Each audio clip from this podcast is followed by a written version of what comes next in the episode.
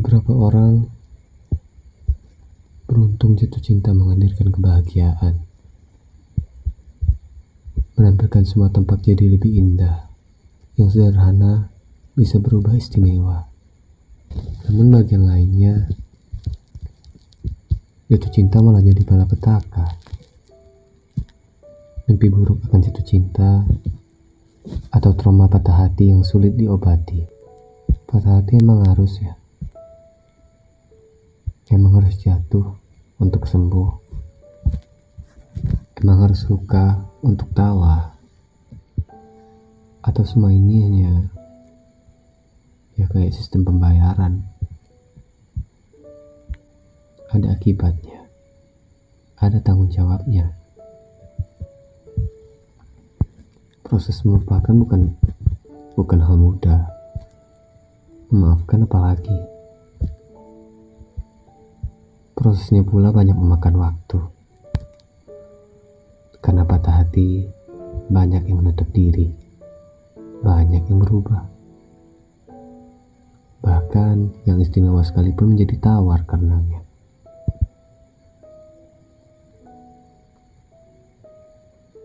Patah hati juga bikin bikin tidak percaya diri untuk dicintai lagi.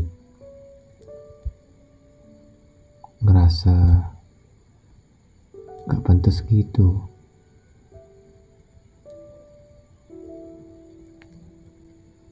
Ya kalau ngelihat orang lain sih emang mau dicintai.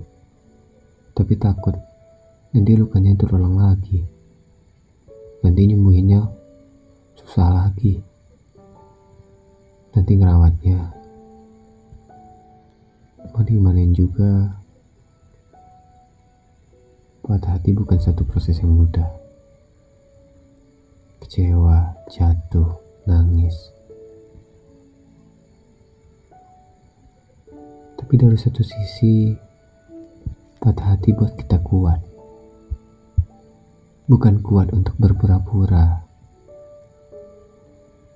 Bukan kuat untuk senyum palsu yang merias wajahmu setiap hari.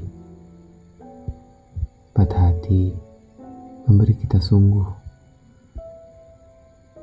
Sungguh di mana situasi kita sedih ataupun kita bahagia. Ia memperlihatkan kita, memperlihatkan wajah aslinya, wajah kita, senyum atau marah, sedih atau luka, bahagia atau patah. Prosesnya murni, suci, tanpa kata opini, tanpa kata palsu. Patah hati tak pandai berpura-pura. Dirimu hanya berpura-pura. Dirimu membohongi dirimu sendiri. Patah hati bukan untuk dibenci. Patah hati adalah sebuah proses melupakan keadaan tersebut.